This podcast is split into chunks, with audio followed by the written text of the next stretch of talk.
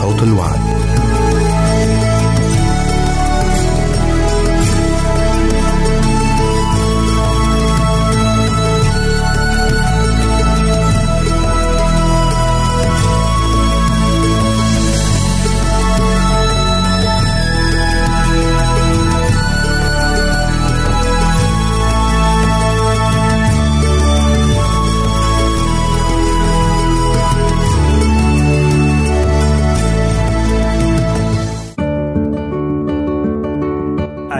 المستمعين والمستمعات راديو صوت الوعد يتشرف باستقبال رسائلكم ومكالمتكم على الرقم التالي 00 961 سبعة ستة ثمانية ثمانية ثمانية أربعة واحد تسعة. نشكركم ونتمنى التواصل معكم. والسلام علينا وعليكم.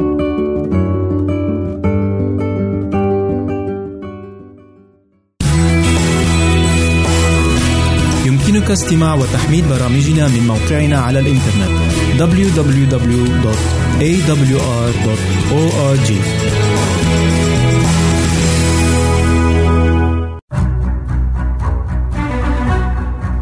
أعزائي المستمعين والمستمعات تتشرف راديو صوت الوعد باستقبال أي مقترحات أو استفسارات عبر البريد الإلكتروني التالي راديو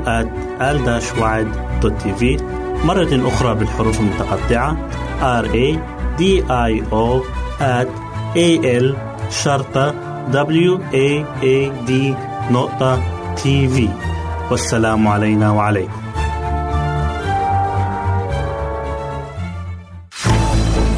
أعزائي المستمعين والمستمعات راديو صوت الوعد لا يكتفي بخدمتكم عبر الموجات الصوتية فقط بل وإنه يطرح لكم موقعا إلكترونيا يمكنكم من خلاله مشاهدة أجمل البرامج الدينية الثقافية الاجتماعية وغيرها من المواضيع الشيقة.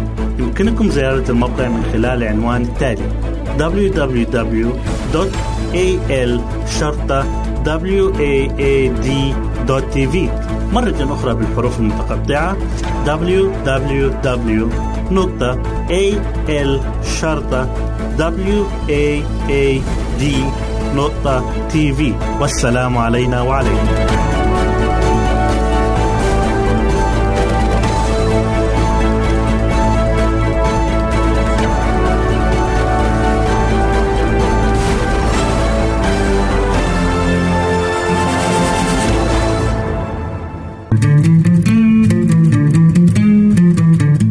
أنتم تستمعون إلى إذاعة صوت الوعد.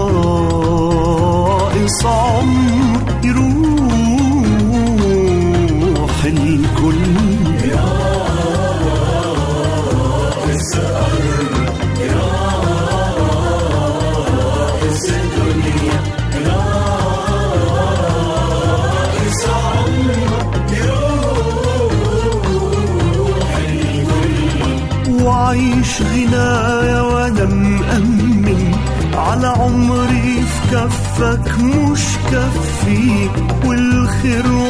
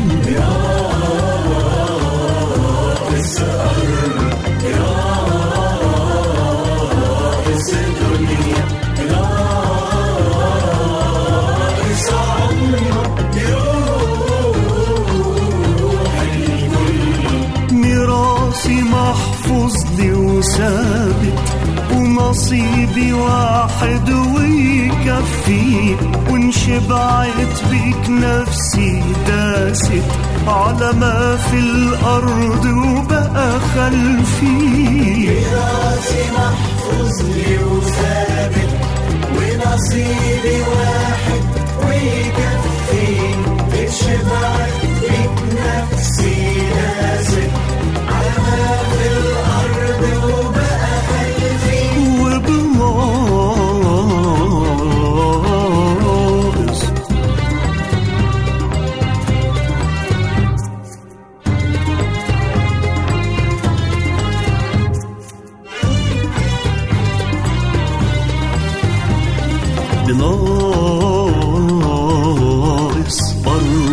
No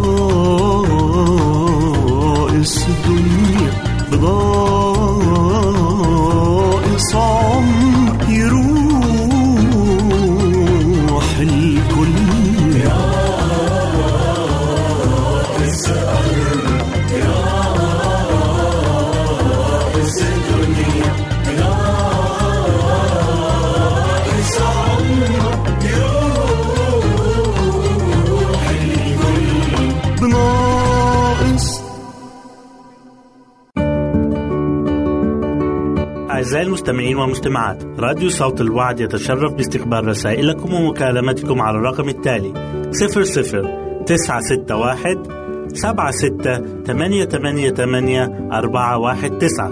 نشكركم ونتمنى التواصل معكم. والسلام علينا وعليكم.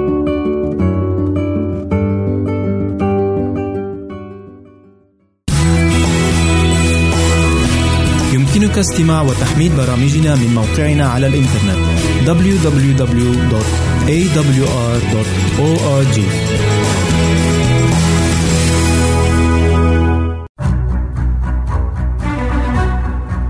أعزائي المستمعين والمستمعات تتشرف راديو صوت الوعد باستقبال أي مقترحات أو استفسارات عبر البريد الإلكتروني التالي راديو في مرة أخرى بالحروف المتقطعة R A D I O at A L شرطة W A A D نقطة تي في والسلام علينا وعليكم. أهلا وسهلا بكم مستمعينا الكرام. أسعد الله أيامكم بالخير والبركة. يسعدني أن أقدم لكم برنامج أطفالنا زينة حياتنا. تكلمنا في الحلقة الماضية عن تأثير المشروبات الكحولية والتبغ وداء الزهري أو الحب الإفرنجي على الجنين من الناحية الوراثية. وفي حلقة اليوم سنتحدث عن موارد غذاء الطفل قبل الولادة. إن العناصر في الدم التي تغذي جسم الأم قبل ولادة الطفل هي نفسها التي تغذي الطفل وهو في مهده البشري. ويبدأ نشوء الطفل من اتحاد خليتين لتصبح خلية واحدة ولكنه ينمو بسرعة ويتطور. حتى أنه حين الولادة يزن حوالي ثلاثة كيلوغرامات أو أكثر قليلا.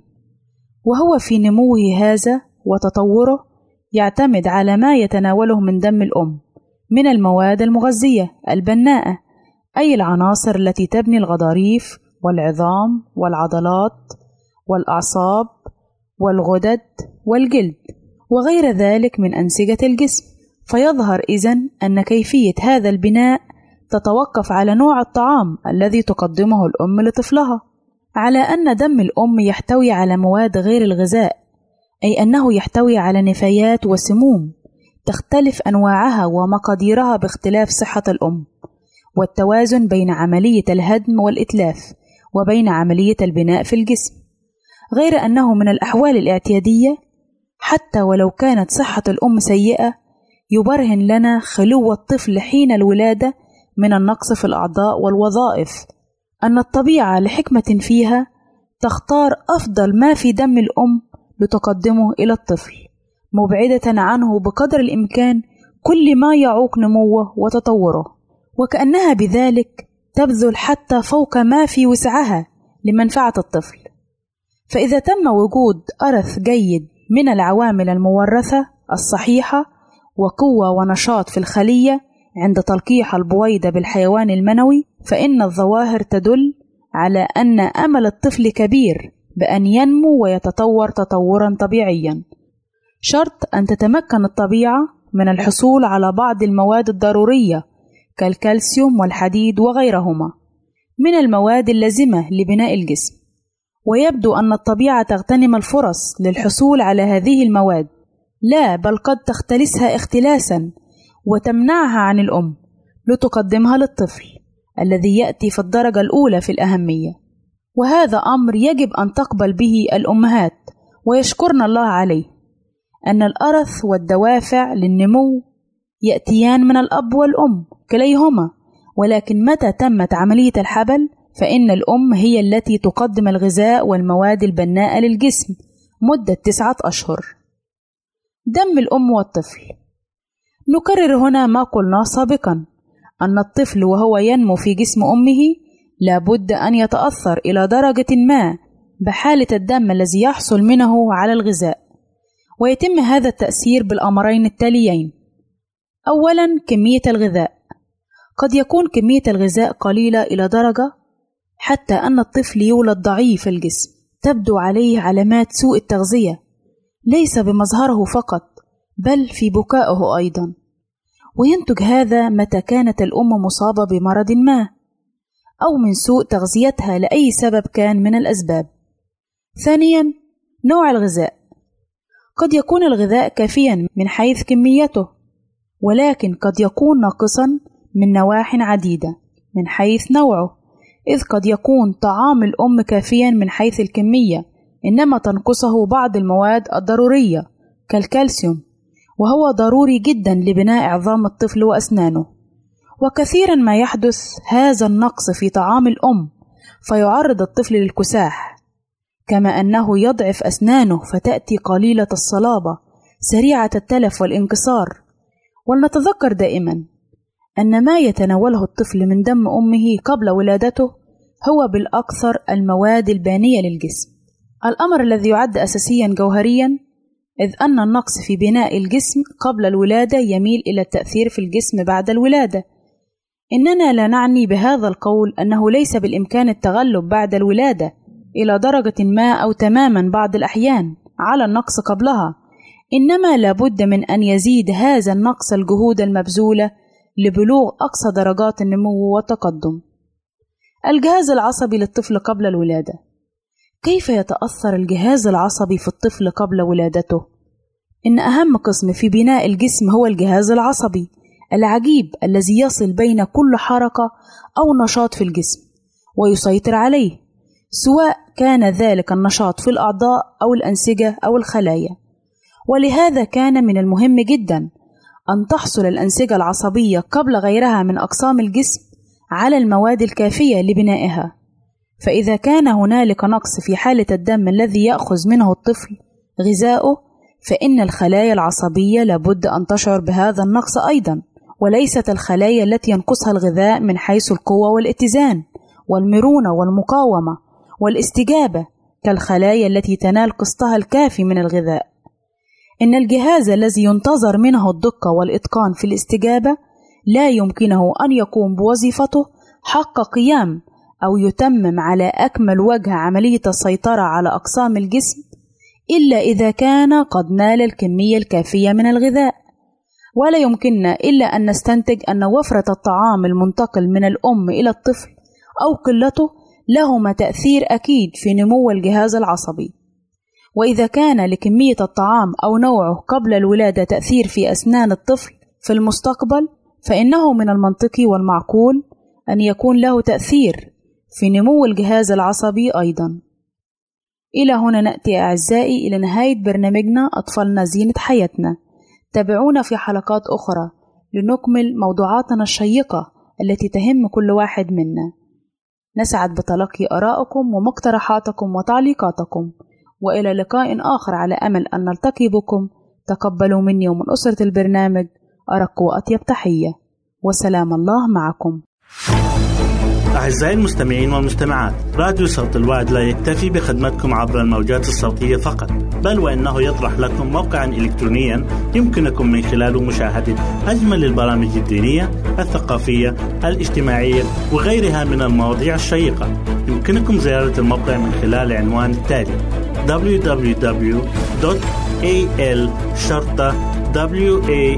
www.al-waad.tv مرة أخرى بالحروف المتقطعة www.al-waad.tv والسلام علينا وعليكم.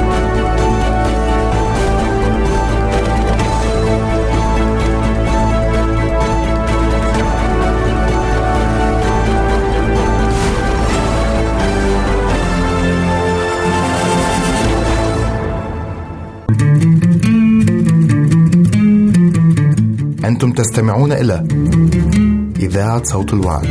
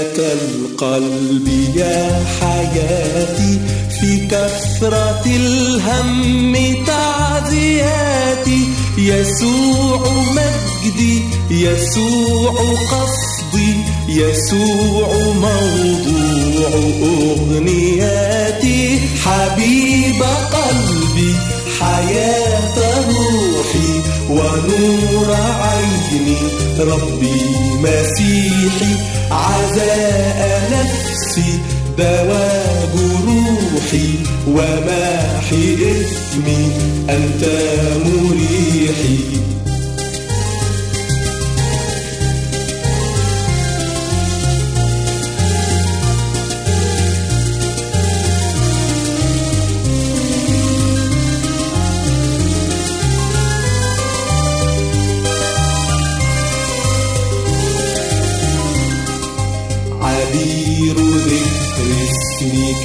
زكي نسيمه منعش ندي سبا فؤادي سبا ودادي. يسوع للرب والولي.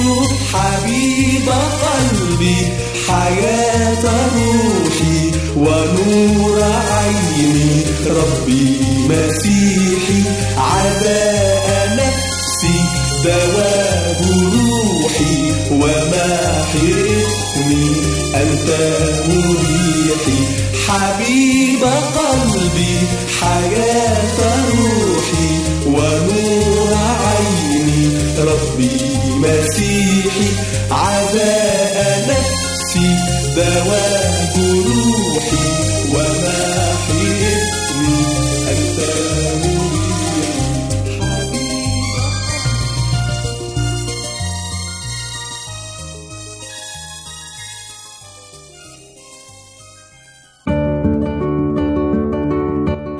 المستمعين والمستمعات. راديو صوت الوعد يتشرف باستقبال رسائلكم ومكالمتكم على الرقم التالي 00 961 76 88 88 419 نشكركم ونتمنى التواصل معكم. والسلام علينا وعليكم.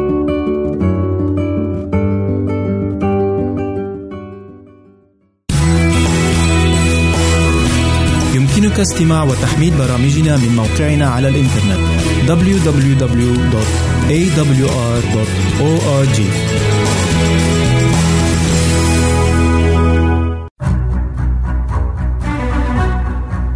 أعزائي المستمعين والمستمعات تتشرف راديو صوت الوعد باستقبال أي مقترحات أو استفسارات عبر البريد الإلكتروني التالي راديو في مرة أخرى بالحروف المتقطعة R A D I O at A L شرطة W A A D نقطة تي في والسلام علينا وعليكم.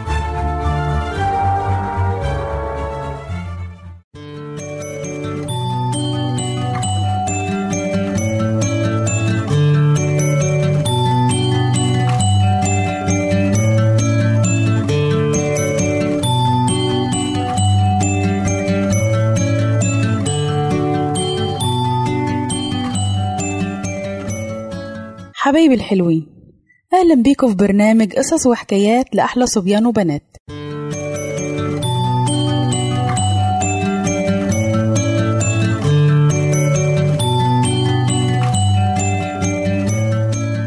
قصتنا النهاردة بعنوان ارسل لنا رغيفا كاملا.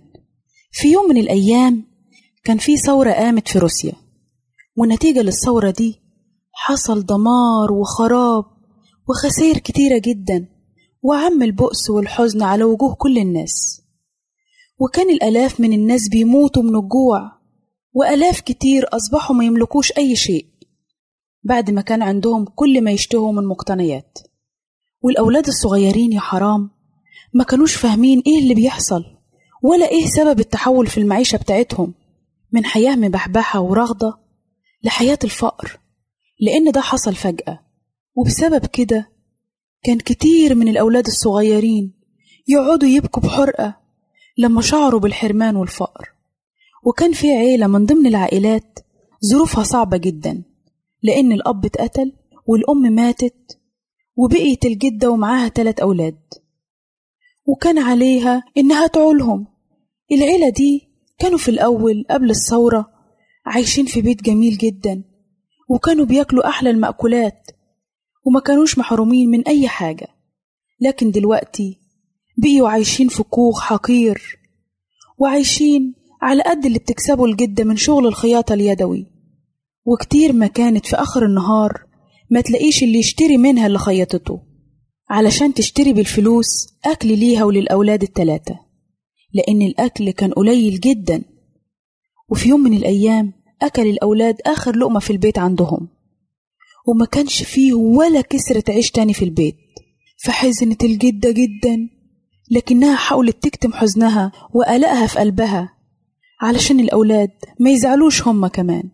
فجمعتهم حواليها وقالت لهم حقيقة الموقف وشجعتهم واقترحت عليهم إن كلهم يركعوا ويصلوا علشان ربنا يتدخل ويحل مشكلتهم.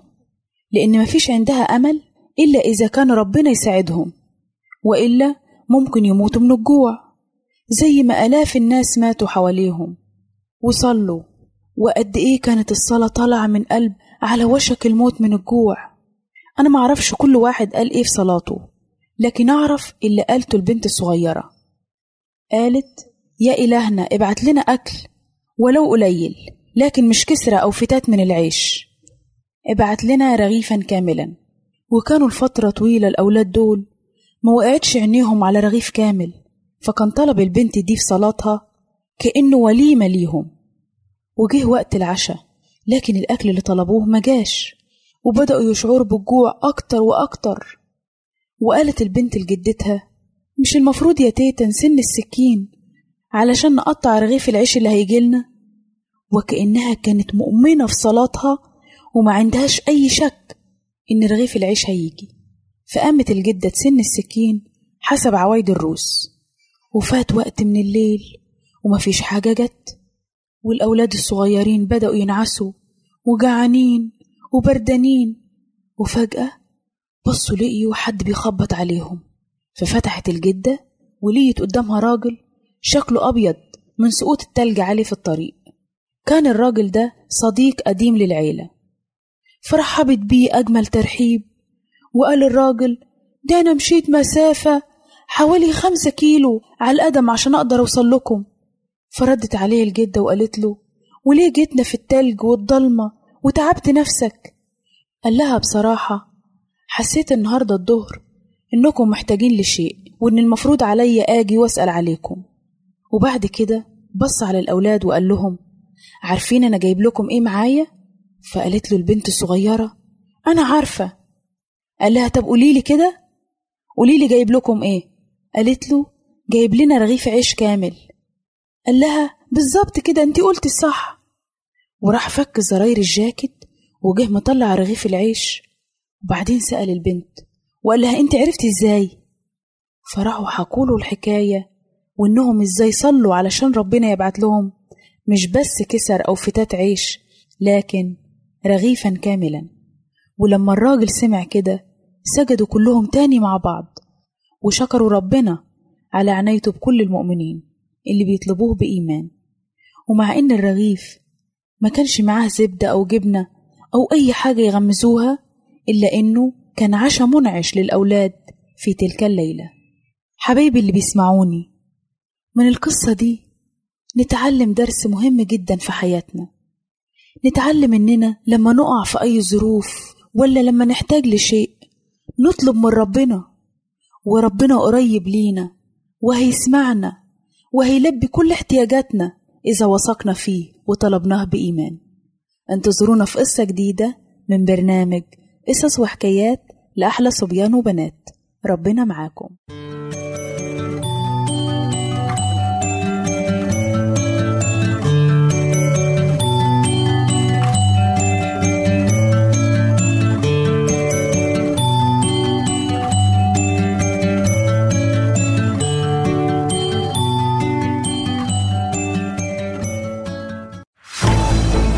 أعزائي المستمعين والمستمعات راديو صوت الوعد لا يكتفي بخدمتكم عبر الموجات الصوتية فقط بل وإنه يطرح لكم موقعا إلكترونيا يمكنكم من خلاله مشاهدة أجمل البرامج الدينية الثقافية الاجتماعية وغيرها من المواضيع الشيقة. يمكنكم زيارة الموقع من خلال العنوان التالي www.al-waad.tv مرة أخرى بالحروف المتقطعة www.al-waad.tv والسلام علينا وعليكم.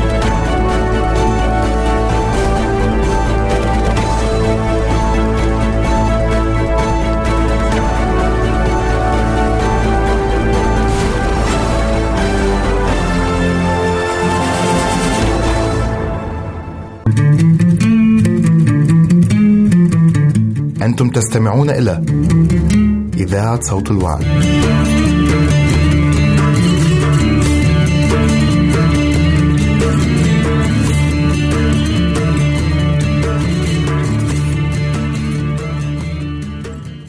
تعالوا يا ولاد وحشتوني. تعالوا نفرح مع بعض. هتلعبنا لعب جديدة؟ ولا هتورينا الكنز لقيت الكنز يا عم كومبوش. آه لقيته! لا لا لا لا ده مش كنز فلوس ومجوهرات. أنا لقيت سر السعادة. عارفين إيه هو؟ إنك تطلب يسوع يسكن في قلبك ويغفر لك خطاياك ويملى قلبك أفراح.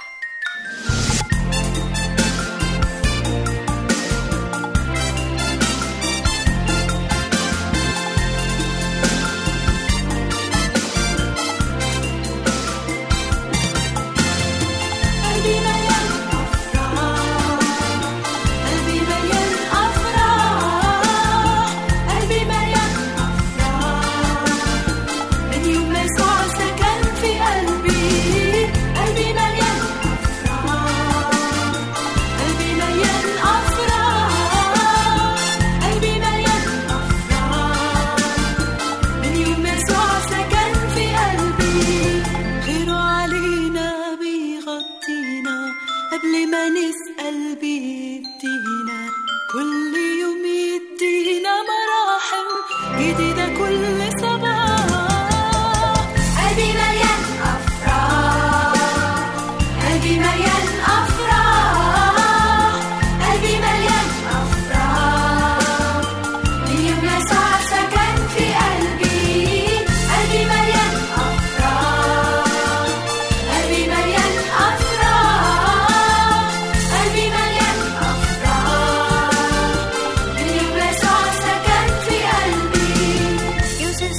كان ماشي معاك.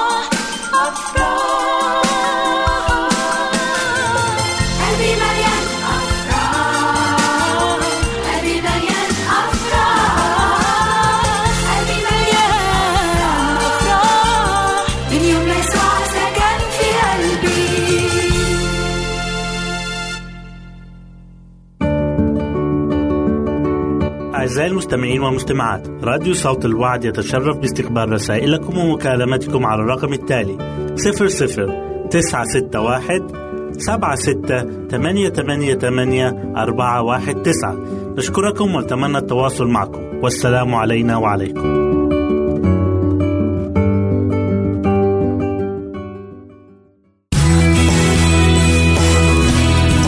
استماع وتحميل برامجنا من موقعنا على الإنترنت www.awr.org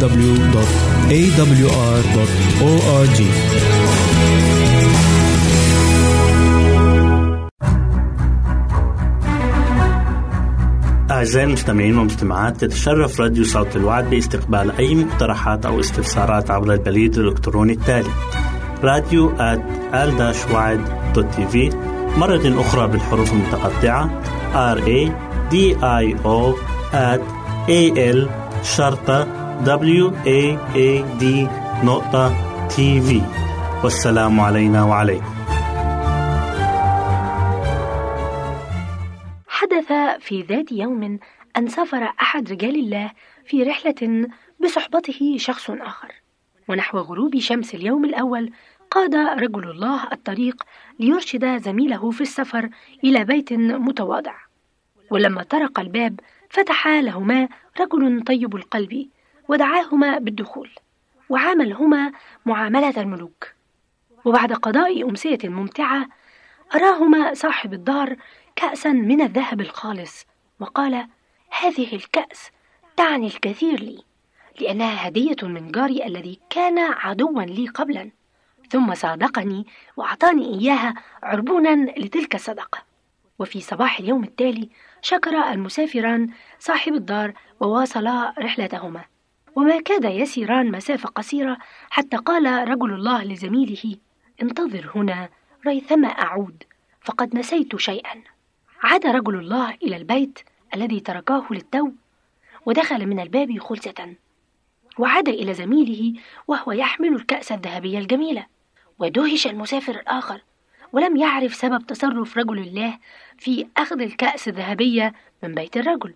وما كادت الشمس تميل نحو الغروب وتلملم آخر أشعتها حتى توقف الرجلان أمام قصر فخم لرجل غني يملك العديد من العقارات.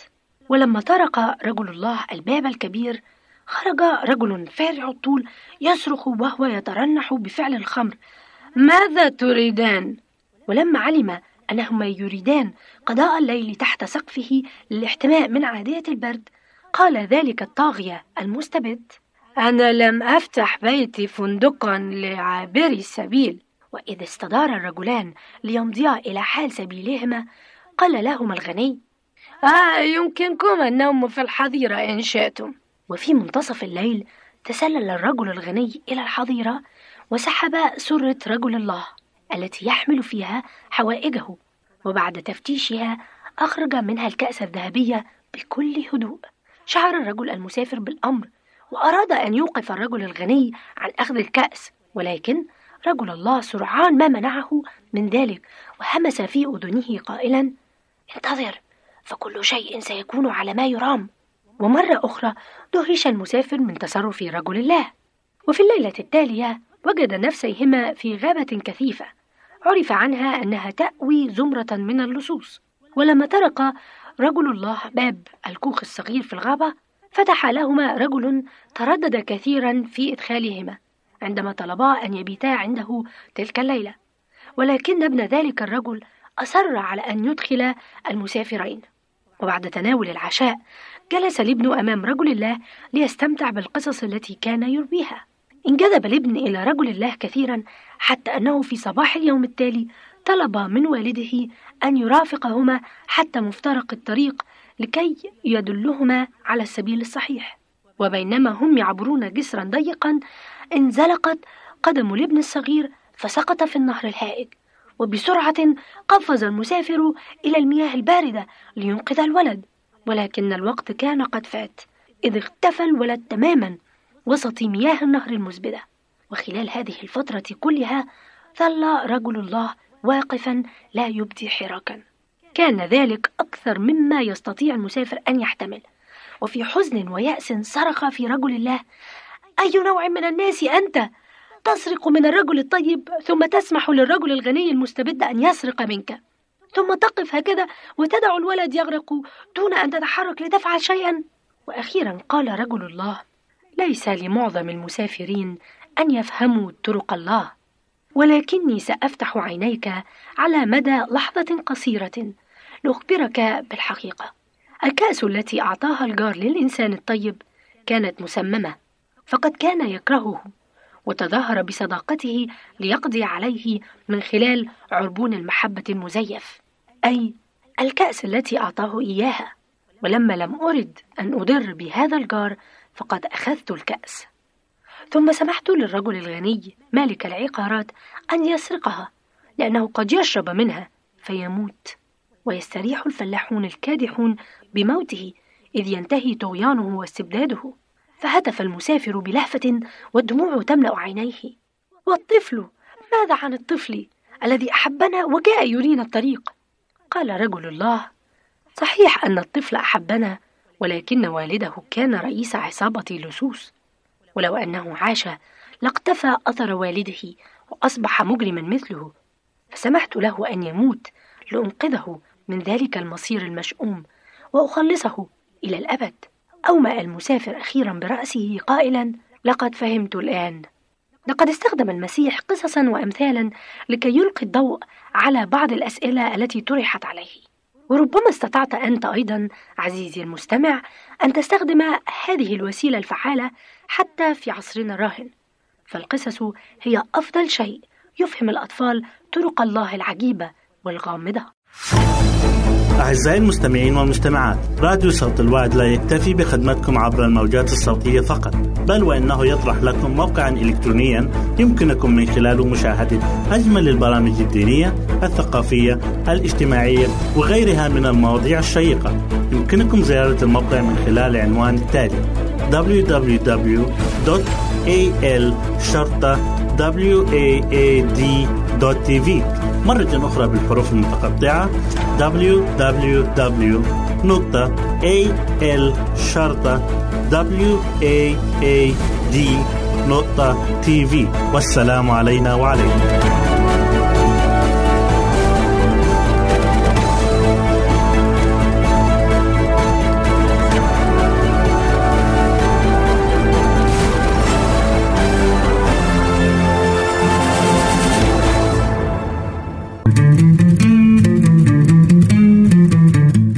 تستمعون إلى إذاعة صوت الوعد.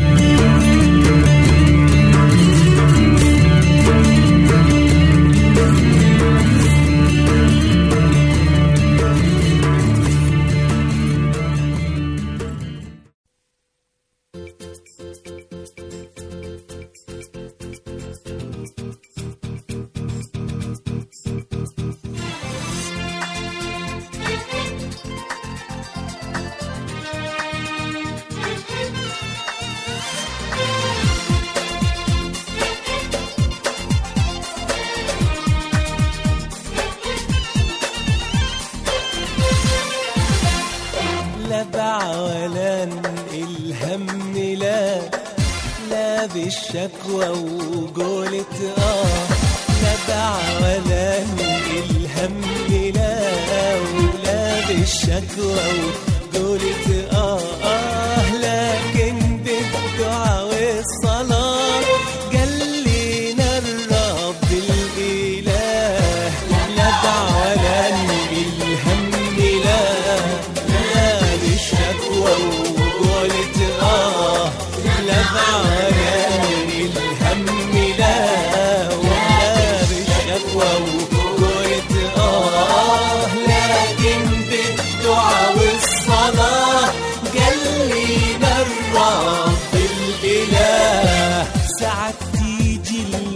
المشاكل زي الموج بيتلاحق أحاول أمد اليد وأحل مانيش لاحق. اخد المشاكل وجرجرها على المخدع. أركع وأشارك إله اللي وعد يسمع.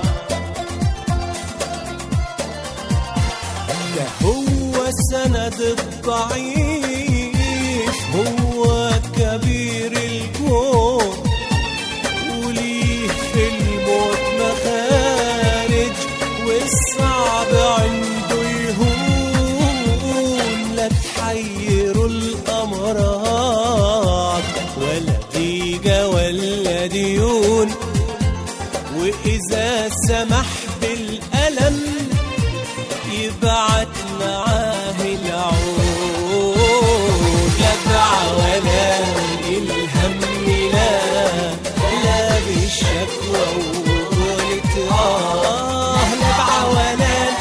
الهم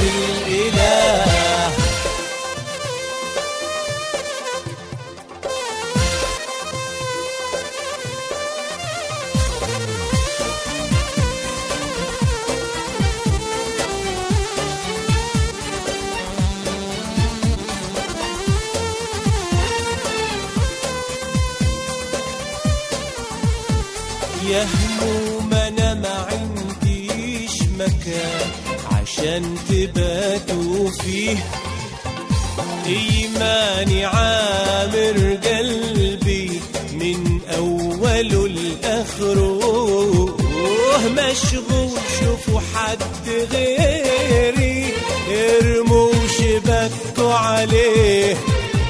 ربي وهبني سلام وصبر على المكروه.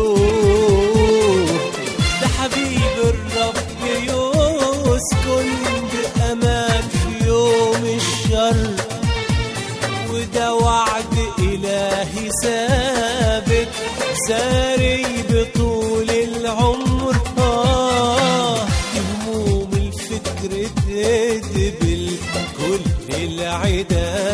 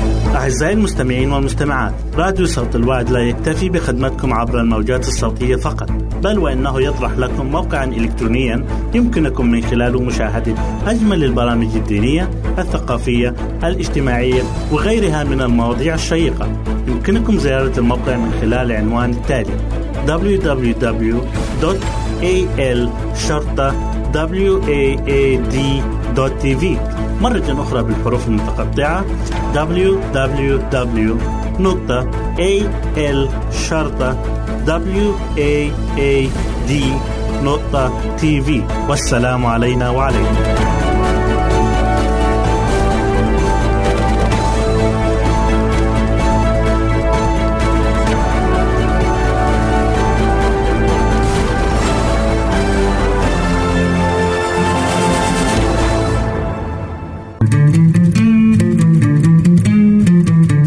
أنتم تستمعون إلى إذاعة صوت الوعد.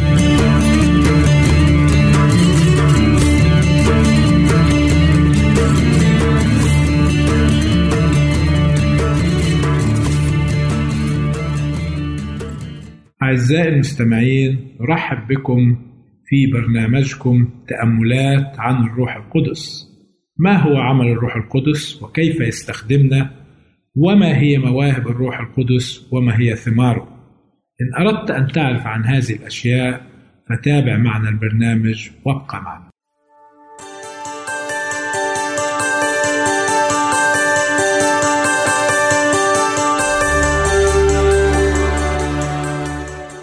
حلقة اليوم بعنوان الإحسان والقناعة من ثمار الروح القدس.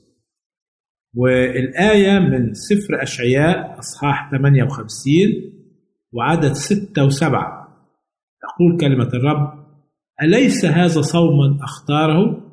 حل قيود الشر فك عقد النير وإطلاق المسحوقين أحرارا وقطع كل نير. أليس أن تكسر للجائع خبزك وأن تدخل المساكين التائهين إلى بيتك؟ إذا رأيت عريانا أن تكسوه وأن لا تتغاضى عن لحمك. إن الحق الثمين له تأثير مقدس وتقديس النفس من خلال عمل الروح القدس يعني زرع طبيعة يسوع وغرسها في البشرية. إنها نعمة الرب يسوع التي تستعلم في الأخلاق. ونعمته هذه تساهم في اختبارات الأعمال الصالحة النشطة. بذلك تتجدد الأخلاق بأوفر كمال حسب صورة المسيح في البر والقداسة توجد متطلبات وافرة في الحق الإلهي تبرز جميعها تباعا في الأعمال الصالحة. إن حق الإنجيل ليس منفصلا بل متحدا ومنتظما في خيط سماوي مليء باللآلئ والمجوهرات. مثل ما كان الحال في العمل الشخصي الذي قام به المسيح هذا الحق ذاته يختلط بكافة الأعمال والاختبارات المسيحية كخيوط من ذهب. إن أي إهمال من جهة المدعين أنهم أتباع المسيح وفشلهم في إسعاف أخ في ضيقاته وضروريات عيشه أو أخت تحمل بمفردها نير الفقر والظلم. يدون كله في أسفار السماء بوصفه وجه للمسيح في شخص قديسيه فما أعظمها محاسبة سيقوم بها الرب تجاه كثيرين ممن يقدمون كلمات المسيح للآخرين ولكنهم لا يظهرون معها الرقة والعطف والعاطفة لأخ في الإيمان يكون حظه أقل من حظوظهم ونجاحه أقل من نجاحهم. كثيرون يسمحون لأخ بأن يناضل ويصارع بمفرده بلا دعم تحت ظروف شاقة وبهذه الطريقة يعطون للنفس التي يعملون معها الانطباع أنهم بذلك يمثلون المسيح. هذا أمر غير وارد. فالمسيح الذي كان غنيا افتقر لأجلنا لكي نستغني نحن بفقره. فلكي يخلص الخاطئ لم يوفر حياته من أجلهم. إن قلب المسيح يتلامس دوما مع المعاناة البشرية. أيضا نقرأ في فيليب أربعة أصحاح الرابع والعدد 11 تقول كلمة الرب ليس أني أقول من جهة احتياج فإني قد تعلمت أن أكون مكتفيا بما أنا فيه. يوجد لله شهوده الأمناء الذين لا يحاولون أن يفعلوا ما قال عنه المسيح أنه من المستحيلات أي السعي لخدمة الله والمال في آن واحد. إنهم بمثابة أنوار مشعة وسط ظلمة العالم الأدبية وسط الظلمة الكثيفة التي تغطي الناس وفيها شحوب الموت. ينبغي على أعضاء كنيسة المسيح أن يكونوا تحت سيطرة الروح القدس أفرادا لكي لا يتصف اختبارهم بالتبديل والتحويل. ينبغي أن يتجذروا في تربة الحق. عندما يفهم فرح قوة خلاص بر المسيح بصدق وحق بالمعرفة الاختبارية العملية ستتواجد رغبة حية في الكنيسة وسيوجد أولئك الذين يعلمون العصاة شريعة الله وسيتجدد الخطاة إلى الحق كما هو في المسيح. إن المدعين الديانة هم الذين يحتاجون إلى تجديد لأن الشيطان قد أعد خدعة ليثقل بها نفوسهم. النفس التي تكون لها صلة شخصية وثيقة بالمسيح تصير هيكلا مقدسا للرب لأن يسوع صار للمؤمن حكمة من الله وبرا وقداسة وفداء. إن الذي سلم نفسه لله بالكامل يتمتع بشعور واع حي بحضور يسوع المخلص. إنه يمتلك الصبر الروحي ولديه راحة النفس التي تأتي من التعلم من المسيح الوديع المتضع القلب.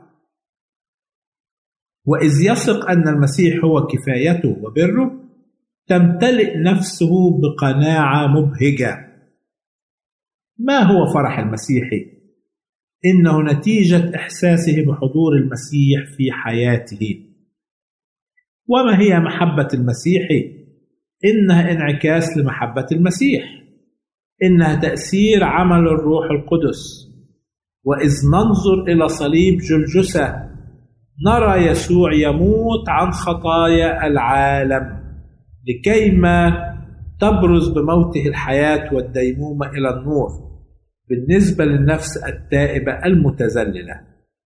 يسوع هو الكل في الكل ومن دونه لا نستطيع أن نعمل شيئا.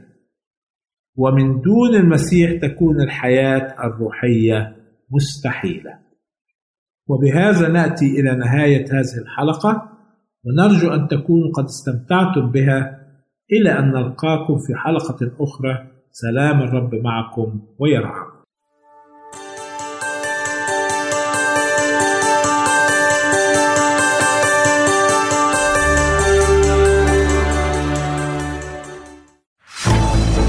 أعزائي المستمعين والمستمعات راديو صوت الوعد لا يكتفي بخدمتكم عبر الموجات الصوتية فقط بل وإنه يطرح لكم موقعا إلكترونيا يمكنكم من خلاله مشاهدة أجمل البرامج الدينية الثقافية الاجتماعية وغيرها من المواضيع الشيقة. يمكنكم زيارة الموقع من خلال العنوان التالي www.al-waad.tv مرة أخرى بالحروف المتقطعة www.al-waad.tv والسلام علينا وعليكم.